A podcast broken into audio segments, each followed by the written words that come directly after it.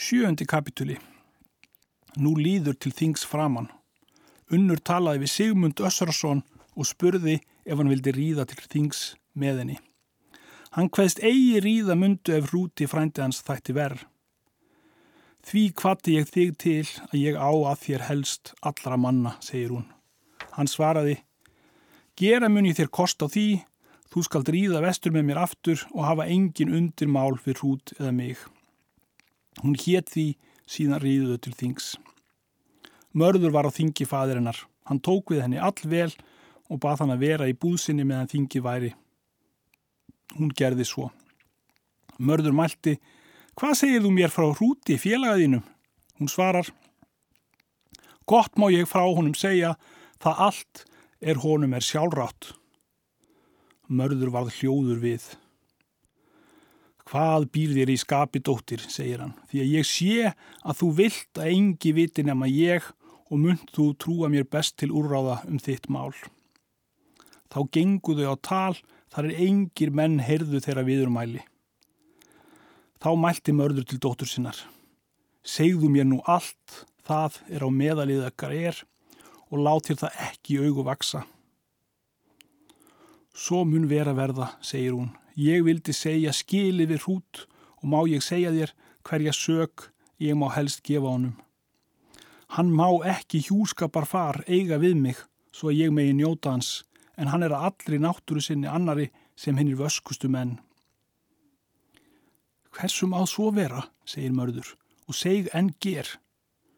Hún svarar, þegar hann kemur við mig þá er hörund hann svo mikið að hann má ekki eftirlæti hafa við mig en þó höfum við bæði breytni til þess á alla vegu að við mættum njótast en það verður ekki. En þó áður við skiljum sínir hann það af sér að hann er í æði sínu rétt sem aðrir menn. Mörður mælti. Vel hefur þú nú gert, er þú sagðið mér, mun ég leggja ráð á með þér.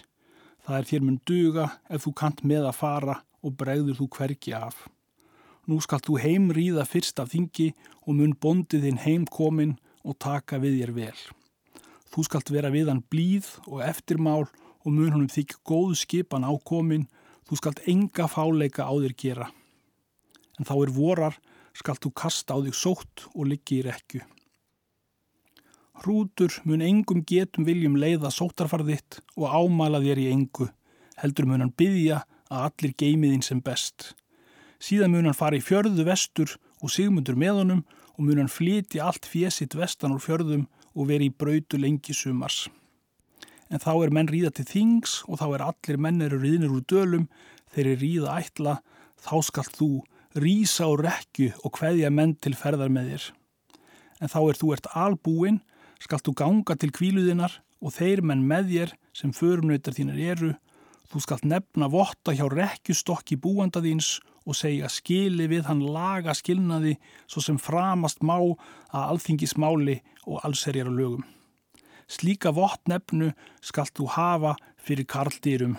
Síðan ríðu í braud og ríð lagsárdalsheiði og svo til holtavörðu heiðar. Því að þín mun eigi leita til hrútafjörðar. Og ríð þar til er þú kemur til mín og mun ég þá sjá fyrir málinu og skalt þú aldrei síðan koma honum í hendur. Nú rýður hún heim af þingi og var hrútur heim komin og fagnaði henni vel.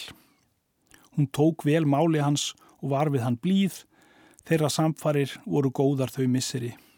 En er voraði tók hún sótt og lagðist í rekju. Hrútur fór í fjörðu vestur og bað henni virta áður. Nú er kemur að þingi, bjón ferð sín í braud og fór með öllu svo sem henni var fyrir sagt og rýður á þing síðan. Hérasmenn leituð hennar og fundu hann eigi. Mörður tók við dóttur sinni vel og spurði hana hversu hún hefði meðfarið ráðagerðans. Hvergi hef ég afbröðið, segir hún. Hann gekk til Lögbergs og sagði skili laga skilnaði með þeim að Lögbergi. Þetta gerðu menna nýjum tíðendum. Unnur fór heim með föðu sínum og kom aldrei vestur þar síðan. Áttundi kapituli Hrútur kom heim og brá mjög í brún er kona hans var í brautu og var þó vel stiltur og var heima öll þau misseri og réðst við engan mann um sitt mál. Anna sumar eftir reyðan til alþingis og höskuldur bróður hans með honum og fjölmentu mjög. En er hann kom á þing þá spurðan hvort mörður gíja væri á þingi. Hún var sagt að hann var þar og ætluðu allir að þeir myndu tala um mál sín en það varð ekki. Einhver dag er menn gengu til Lögbergs, nefndi mörður sér votta og lísti fjésök á hendur rúti um fjémál dóttur sínar og taldi nýju tíu hundraða fjár. Lístan til gjalda og til útgreðslu og let varða þryggja marka útlegð. Hann lísti í fjórðungstóm þann sem sökin átti í að koma lögum, lístan löglýsing og í heyranda hljóðið að lögbergi. En er hann hafið þetta mælt, svaraði hrútur. Meir sækir þú þetta mál með fjár ágirnd og kappi er heyrir til dótturðinnar heldur en með góðvild eða drengskap en það mun ég hér láta nokkuð í móti koma því að þú hefur enn eigi fjöð í hendið þér. Það er ég fer með. Mæl ég svo fyrir að þeir séu allir heyrandi vottarir hjá er að lögbergi að ég skora þér á holm. Skal við liggja mundurinn allur og þar legg ég í móti annað fjö jafn mikið og eigi sá hvort tvekja fjöð er af öðrum ber. En ef þú vilt eigi berjast við mig, þá skalt þú af allri fjárheimtunni. Þá þagnaði mörður og réðst um við vini sína um holmgönguna. Hún svaraði jörundur góði. Eigi þart þú við oss ráða leiga um þetta mál því að þú veist að þú berst við hrút þá myndu bæði láta lífið og fjöð.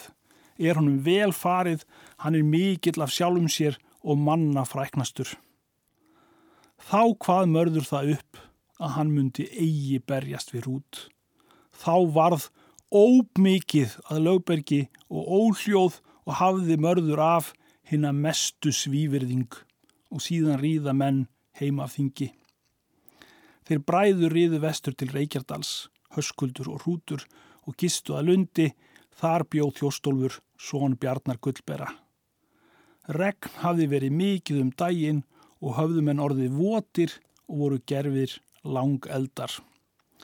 Þjóstólfur bóndi satt í meðal þeirra höskulds og hrúts en sveinar tveir léku á gólfinu, þeir voru veistlusveinar þjóstóls og lék mær einn hjá þeim, þeir voru málgir mjög því að þeir voru óvitrir. Annar þeirra mælti. Ég skal þér mörður vera og stefna þér af konunni og finna það til foráttu að þú hafir ekki sorðið hana. Annar svaraði. Ég skal þér hrútur vera, tel ég þig af allri fjárheimtinu ef þú þórur eigi að berjast við mig. Þetta mæltu þér nokkrum sinnum. Þá gerðist hlátur mikill af heimamönnum. Þá reyttist höskuldur og laust sveinin með sprota þannig mörður nefndist en sprotin kom í andletið og sprakk fyrir. Höskuldur malti við sveinin. Verð úti og drag engan spottað oss. Hrútur malti. Gakk hinga til mín. Sveinin gerði svo. Hrútur dró fingurgöll af hendi sér og gaf honum og mælti. Far braud og leita á engan mann síðan. Sveitnin fór í braut og mælti Þínum drengskap skal ég viðbregða æg síðan. Af þessu fekk hrútur gott orð. Síðan fóru þeir vestur heim og er nú loki þætti þeirra marðar. Nýjöndi kapituli Nú er þar til máls að taka að Hallgerður vex upp, dóttir höskulds og er kvenna fríðu sínum og mikil vexti og því var hún langbrók kölluð. Hún var fagur hár og svo mikið hárið að hún mátti hilja sig með. Hún var örlind og skaphörð. Þjóstólfur hétt fóstri hennar, hann var suðureiskur að ætt. Hann var styrkur maður og vígur vel og hafði margan mann drepið og bætti engan mann fjö. Það var mælt að hann var í engi skap bætir hallgerði. Maðurinn nefndur Þorvaldur. Hann var ósvífur svon. Hann bjóð út á meðalfellströnd undir felli, hann var vel auðugur af fjö. Hann átti eigjar þær, er heita bjarnegjar, þær liggja út á breyðafyrði. Þaðan hafði hann skreið og mjöl. Þorvaldur var vel styrkur maður og kurteis, nokkuð bráður í skaplindi. Það var einhverju sinni að þeir feðgar rættu með sér hvar Þorvaldur myndi áleita um kvonfang en það fannst á að honum þótti sér óvíða full kosta. Þá mælti ósýfur. Vilt þú byggja Hallgerðar langbrókar, dóttur höskulds? Hennar vil ég byggja, segir hann. Það mun ykkur ekki mjög hent, saði ósýfur. Hún er kona skapstór en þú harðlindur og óvægin. Þar vil ég þó á leita, segir hann, og mun mig ekki tjóa letja. Þú átt og mest í hættu, segir Ósfjúr. Síðan fóru þeir bónosför og komu á höskuldstaði og höfðu þar góðar viðtökur. Þeir rættu þegar erindi sín fyrir höskuldi og vöktu bónorðið. Höskuldur svaraði. Kunnugt er mér um hag ykkar en ég vil enga vél að ykkur draga að dóttur mín er hörði í skapi en um yfirlit hennar og kurtesi megiði sjálfur sjá. Þorvaldur svaraði, ger þú kostin því að ég mun skaplindi hennar ekki láta fyrir kaupi standa. Síðan talaður um kaupið og spurði höskuldur dóttur sína ekki eftir því að honum var hugur á að gifta hana og urðu þeir ásáttir á allan kaupmála. Síðan rétti höskuldur fram höndina en Þorvaldur tók í og fastnaði sér hallgerði og reið heim við svo búið. Tíundi kapituli Hörskuldur sagði Hallgerði kaupið, hún mælti. Nú er meg að raun komin um það er mig hefur lengi grunað að þú myndir eigi unna mér svo mikið sem þú sagðir jafnan er þér þótti eigi þess verðt að við mig væri umtalað þetta mál. Enda þykir mér ráð þetta ekki svo mikil sáttar sem þér héttu mér og fannst þá öllu að hún þóttist var gefin. Höskuldur mælti. Ekki legg ég svo mikið við ofmetna þinn að það standi fyrir kaupum mínum og skal ég ráða en eigi þú ef okkur skilur á. Mikill er metnaður í þar frænda, segir hún, og er það eigi undarlegt að ég hafi nokkur og gekk á brauð síðan. Hún fann fóstra sinn þjóstólf og segir honum hvað ætla var og var henni skapþungt.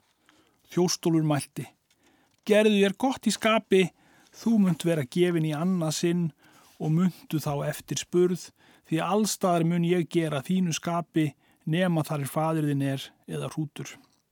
Síðan talaðu ekki um fleira. Höskuldu bjó veistlu og reyða bjóða mönnum til og koma hrútstaði og kalla hrút út til málsvið sig. Hann gekk út og genguð þér á tal og sagði höskuldur honum kaupmála allan og bauð honum til boðs og vildi ég frændi að þér þætti eigi verð þótt ég gerði þér eigi orð þá er kaupinni þér eðst. Betur þætti mér að ég kæmi hvergi nánd, segir Rútur, því að hvoru mun í þessu kaupi gifta honum nýja henni en þó mun ég fara til boðs ef þér þykir sæmdi í. Það þykir mér víst, sagði höskuldur og reið heim síðan. Ósvífur og Þorvaldur buðu og mönnum og var eigi bóðið færra en hundraði. Maður er nefndur Svanur. Hann bjó í Bjarnarfyrði á bæð þeim er heitir á Svanshóli. Það er norður frá Stengrimsfyrði. Svanur var fjölkunnugur mjög. Hann var móðubróðir Hallgerðar, hann var ódæll og yllur viðregnar. Honum bauð Hallgerður til bóðsins og sendi þjóstólf eftir honum. Hann fór og voru vináttum ál með þeim þegar. Nú koma menn til veislunar og satt Hallgerður á palli og var brúðurinn all kátt og gekk þjóstulur jafnan til talsviðana en stundum talar hann við svan og fannst mönnum mikið um tal þeirra. Veistlan fór vel fram, höskuldur leisti út fyrir hallgerðar með hennum besta greiðskap. Síðan mælt hann til hrúts. Skal ég nokkra gafir framleggja? Hrútur svaraði, kostur munir af tómi að eigða fjöðinu fyrir hallgerði og lát hér staðar að nema. 11. kapituli Þorvaldur reið heim frá bóðinu og kona hans með honum og þjóstólfur. Hann fyldi hesti hennar og töluð þau jafnan. Ósvífur veikað síni sínum og mælti. Unir þú vel ráðinu? Eða hversu fór tal með ykkur? Vel, segir hann. Alla blíðu létun uppi við mig og máttu sjá móta á er hún hlær við hvert orð. Egi ætla ég hlátur hennar jafn góðan sem þú, segir Ósvífur, en það mun þó síðar reynast. Þau ríða þar til er þau koma heim. Um kveldi satt hún hjá bonda sínum og skipaði þjóstólfiði næsta sér innar frá. Fátt óttust er við þjóstólfur og þorvaldur og var þeim lítið orðum og fór svo fram um veturinn. Hallgerður var fengsum og stórlind en það kallaði hún til alls þess er aðrir áttu í nánd og hafiði allt í sukki. En er voraði var þar búskart og skorti bæði mjöl og skreið. Hallgerður kom að máli við Þorvald og rætti. Egi myndu þurfa að sitja til alls því að bæði þarf í búið mjöl og skreið. Þorvaldur mælti. Ekki fjekki nú minna til bús en vandir og endist þó allt á sömar fram. Hallgerður mælti. Ekki fer ég að því þó þú hafi sveltið til fjár og fadirðin. Þá reyttist Þorvaldur og laust hann í andlitið svo að blætti og gekk síðan í braud og kvatti húskalla sína með sér og hrundu fram skútu og hljópu þar á áttakarlar og rér út í bjarnæjar. Tóku þar skreið sína og mjöl. Nú er sagt frá Hallgerði að hún satt úti og var skapþungt. Þjóstólur gekk að og sá að hún var særið í andlitinu og mælti. Hví ert þú svo ítla leikinn? Þorvaldur veldur því bóndi minn, sagði hún, og stóðst þú mér þá fjarrri ef þér þætti nokkuð undir um mig. Ég vissi eigi, segir hann, en þó skal ég þessa hefna. Síðan gekk hann á braud og til fjöru og rætt fram skipi sex æru og hafði í hendi öksi mikla er hann átti vafin skeftu.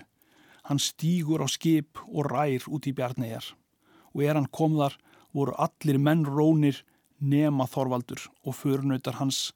Hann var að hlaða skútuna en þeir báru á út menn hans. Þjóstólur kom að í því og hljóp upp á skútuna og hlóð með honum og mælti Bæðu ert að þessu lítil virkur og óhagvirkur. Þorvaldur mælti Hyggst þú betur gera munu? Það eitt munu við aðhafast að ég mun betur gera en þú, segir Þjóstólfur, og er svo kona illa gift er þú átt og skildu ykkrar samfarir skammar vera. Þorvaldur greip upp handsaks eitt er var hjá honum og leggur til þjóstóls. Þjóstólfur hafði öksin á ökst sér og lausta á móti og kom á höndina Þorvalds og brotnaði handlegurinn en saksið fjall nýður. Síðan færði þjóstólfur upp öksina í annað sinn og hjó í höfu Þorvaldi og hafðan þegar bana. Tólti kapituli Þá fóru þeir ofan menn Þorvalds með byrðarnar, þjóstólur tók til ráð að skjótt, höggur hann þá tveim höndum borðskútunar og gengu í sundur borðin um tvö rúm og hljópi í skipsitt en á skútunni fjallin sær kólblár og sökku niður með öllum farminum. Þar sökku niður lík Þorvalds og máttu þeir eigi sjá hversu hann var til ger en hitt vissu þeir að hann var dauður. Þjóstólur rérinn á fjörðin en þeir báðu hann illa fara og aldrei þrýfast. Hann svaraði engu og réri þar til er hann kom heim og bríndi upp skipinu og gekk heim og hafði uppi öksuna og var hún blóðu mjög. Hallgerður var úti og mælti. Blóðu er öks þín, hvað hefur þú unnið? Nú hef ég það að gert, segir hann, að þú munt gefin verða í öðru sinni. Dauðan segir þú þá Þorvald, segir hún. Svo er, sagðan, og sér þú nokkuð ráð fyrir mér. Svo skal vera, sagði hún.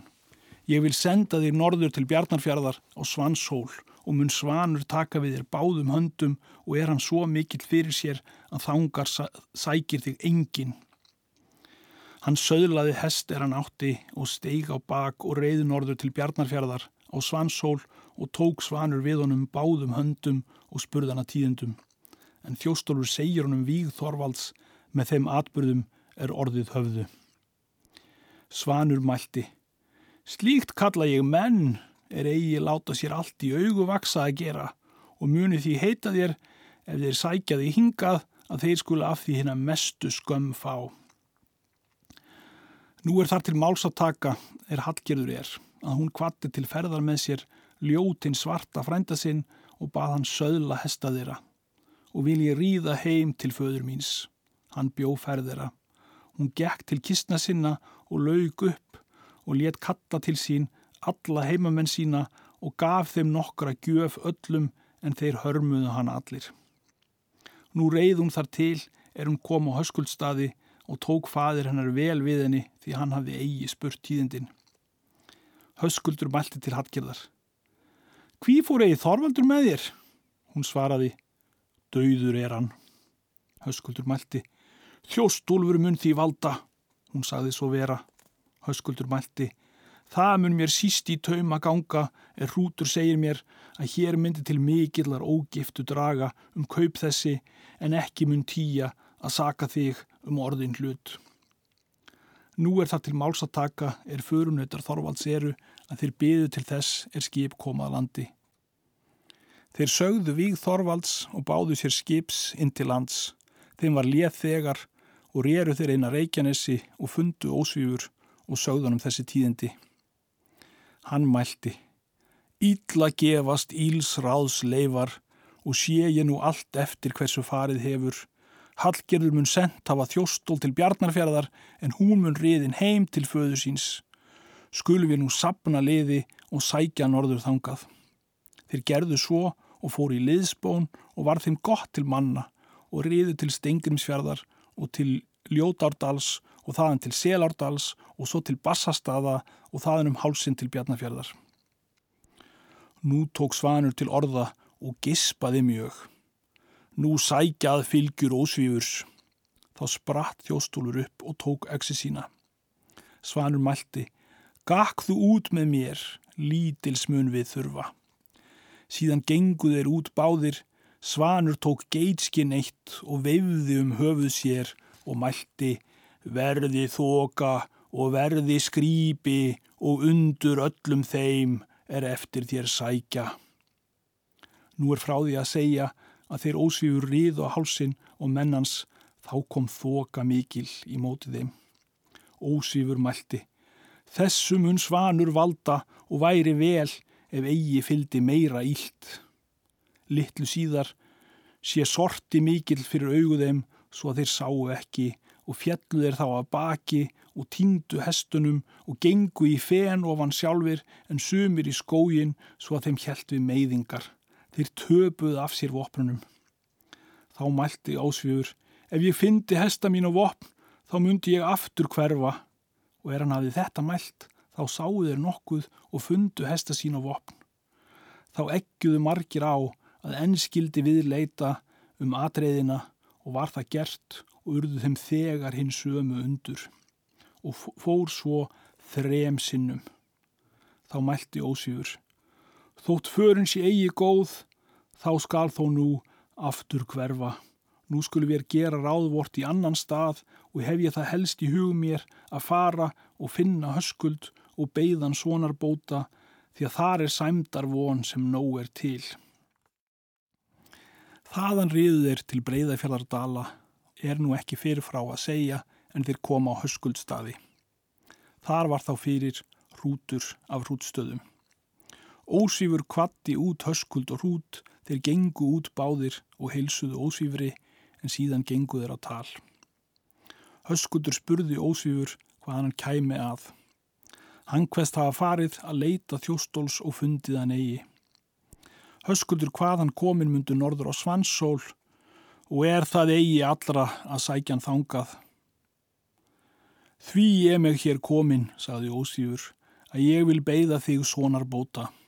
Höskuldur svaraði, eigi drap ég svon þinn og eigi réði honum banaráð, en þó heldur þig vorkun til að leita á nokkur.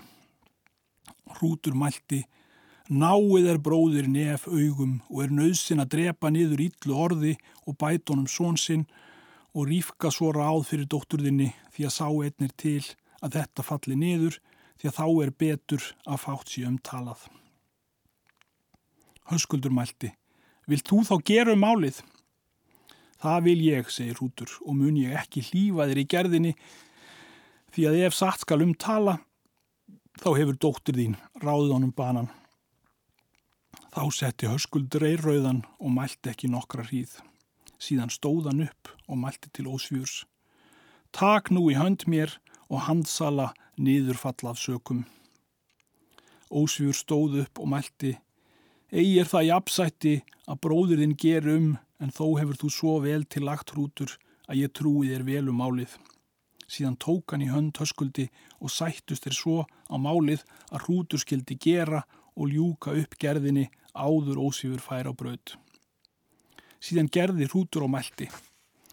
Fyrir víg Þorvalds ger ég 200 silfurs. Það þóttu þá góð manngjöld. Og skal gjalda þegar bróðir og leysa vel af hendi. Höskuldur gerði svo. Þá mælti hrútur til ósvífurs. Ég vil gefa þér skikju góða er ég hafði út. Hann þakkaði honum gjöfina og undi nú vel við þar sem komið var og fór heim. Þeir hrútur og höskuldur komið þanga til fjárskiptis og urðu þeir ósvífur á það vel sáttir og fóru heim með fjöð og er nú ósvífur úr sögunni.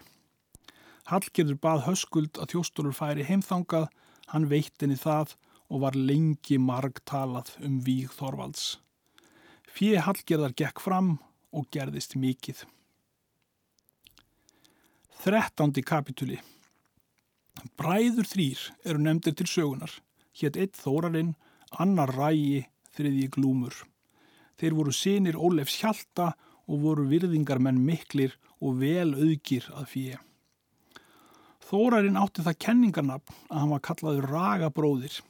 Hann hafði lögsögu eftir Hrafn Hengsson. Hann var stórvitur maður. Hann bjóðað varmalæk og áttu þeir glúmur bú saman. Glúmur hafi verið lengi í förum, hann var mikil maður og sterkur og fríður sínum. Rægi var vígamaður mikill bróðir þeirra. Þeir bræður áttu söður, engei og lauganess. Þeir bræður töluðu glúmur og þórarinn og spurði þórarinn glúm hvort hann ætlaði utan sem hann var vanur. Hann svaraði, hitt hafði nú heldur ætlað að hætta kaupferðum. Hvað er þér þá í skapi, segir þórarinn, vilt þú byggja þér konu? Það vildi ég, saði hann, ef ég gæti vel fyrir mér síð. Þá taldi þórarinn upp konur þær sem voru í borgarfyrði ógiftar og spurði ef hann vildi nokkur að þessa eiga og mun ég ríða til með þér. Hann svaraði, enga vil ég þessa eiga. Nefn þú að því þá er þú vilt eiga, segir Þórarinn. Glúmur svaraði, ef þú vilt að vita, þá heitir hún Hallgerður og er dóttir Höskulds í dölum vestur.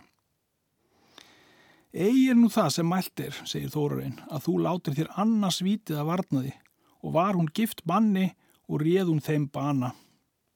Glúmur mælti, má að hana hendi eigi slík ógifta í annað sinn og veit ég víst að hún ræður um eigi mér bana. En ef þú vilt mér nokkra sæmt veita, þá ríðu til með mér að byggja hennar. Þórarinn mælti, ekki mun mega við gera, það mun verða fram að koma sem ætlaði er. Oft kom glúmur á um þetta mál við Þórarinn en hann fór lengi undan en þar komum síðir að þeir söpnuð að sér mönnum og riðuðu 20 saman vestur til Dala og komu á höskuldstaði og tók höskuldur við þeim vel og voru þeir þar um nóttina. En snemma um morgunin sendir höskuldur eftir húti og kom hann þegar og var höskuldur úti en hann reyði tún. Höskuldur segir húti hvað þar var komið manna. Hvað munu þeir vilja, saði hútur. Engi hafa þeir erindi ennu upp orðið fyrir mig, saði höskuldur. Við þig munu þó vera erindin, segir Rútur, þeir munu byggja hallgerðar dótturinnar eða hversu þú svara. Hvað þykir þér ráð, saði höskuldur.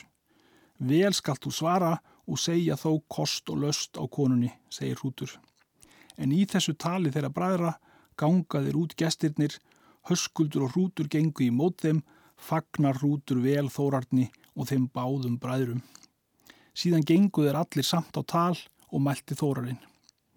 Ég em komin hingað með glúmi bróður mínum þess erindis að byggja hallgerðar dótturðinar höskuldur til handa glúmi bróður mínum. Skalt þú það vita að hann er vel mannaður. Veit ég það, sagði höskuldur, að þið eru mikils háttar menn báðir en ég vil óg segja þér í móti að ég réð ráði hennar fyrri og varðost það að mikilli ógæfu. Þórainn svaraði. Ekki munum við það láta fyrir kaupum standa því að eigi skal einn eður alla verða. Og má þetta verða vel þó að hittir því illa en það spilti þjóstólfur þar mest um. Þá mælti hrútur. Gefa myndi ég yfir til ráð ef þér viljið eigi þetta láta fyrir ráðum standa er áður hefur orðið um hægi hallgerðar að þjóstólur fari ekki suður með henni þó að ráðin takist og verið þeir aldrei þremur nóttum lengur nema glúmur lofi en falli óheilagur fyrir glúmi ef hann er lengur en heimilt á glúmur að lofa það en ekki er það mitt ráð. Skal nú og eigi svo fara sem fyrr að hallgerður sé leint skal hún nú vita allan þennan kaupmála og sjá glúm og ráða sjálf hvort hún vill eiga hann eða eigi og megi hún eigi öðrum kenna þó eigi verði vel, skal þetta allt vélalust vera. Þórainn mælti, nú er sem jafnan að það mun best gegna að þín ráð séu höfð. Þá var sendt eftir hallgerði og kom hún þangað og tvær konur með henni. Hún hafi yfir sér vefjar möttul bláan og var undir í rauðum skarlatskirtli og silfur belti um sig en hárið tók ofan á bringuna tveim megin og drap hún undir belti sér. Hún settist niður í milli þeirra hrúts og föður síns, hún kvattið á alla góðum orðum og mælti vel og skörulega og spurði tíðinda. Síðan hætt hún að tala. Glúmur mælti, Um kaup við föður þinn höfum við þórarinn bróði minn tala nokkuð að ég myndi fá þín hallkerður ef það er þinn vilji sem þeirra. Muntu nú segja er þú ert skörungur hvort það er nokkuð nær þínu skapi en ef þér er engi hugur á kaupum við oss þá viljum við ekki umtala. Hallkerður mælti. Veit ég að þið eru mikil sáttar menn bræður og veit ég að ég mun nú miklu betur gefin en fyrr en vita vil ég hvað þér hafið umtalað eða hver mjög þér hafið frammælt málnu. En svo líst mér á þig að ég mun þér vel unnandi verða ef við komum skapið saman. Glúmur sagðinni sjálfur allan kaupmála og veik hvergi af og spurði þá höskuld og hrút hvort hann hermdi rétt. Höskuldur sagði svo vera. Hallgjörður mælti þá. Svo vel sem þér hefur farið til mín fadir um þetta mál og þér hrútur að ég vil þetta ykkur ráði gera og skal þessi kaupmála vera sem þið hafið stopnað. Þá mælti hrútur, það þykir mér ráð að við höskuldur nefnum votta en hallgerður festi sig sjálf ef lögmanni þykir það rétt. Rétt er það, saði Þórarinn. Síðan voru virð fjö hallgerðar og skildi glúmur leggi í móti jafn mikið og skildi vera helmingarfélag með þeim. Síðan fastnaði glúmur sér hallgerði og riðu þau suður heim en höskuldur skildi hafa bóð inni. Er nú kýrt þar til er menn ríða til bóðs.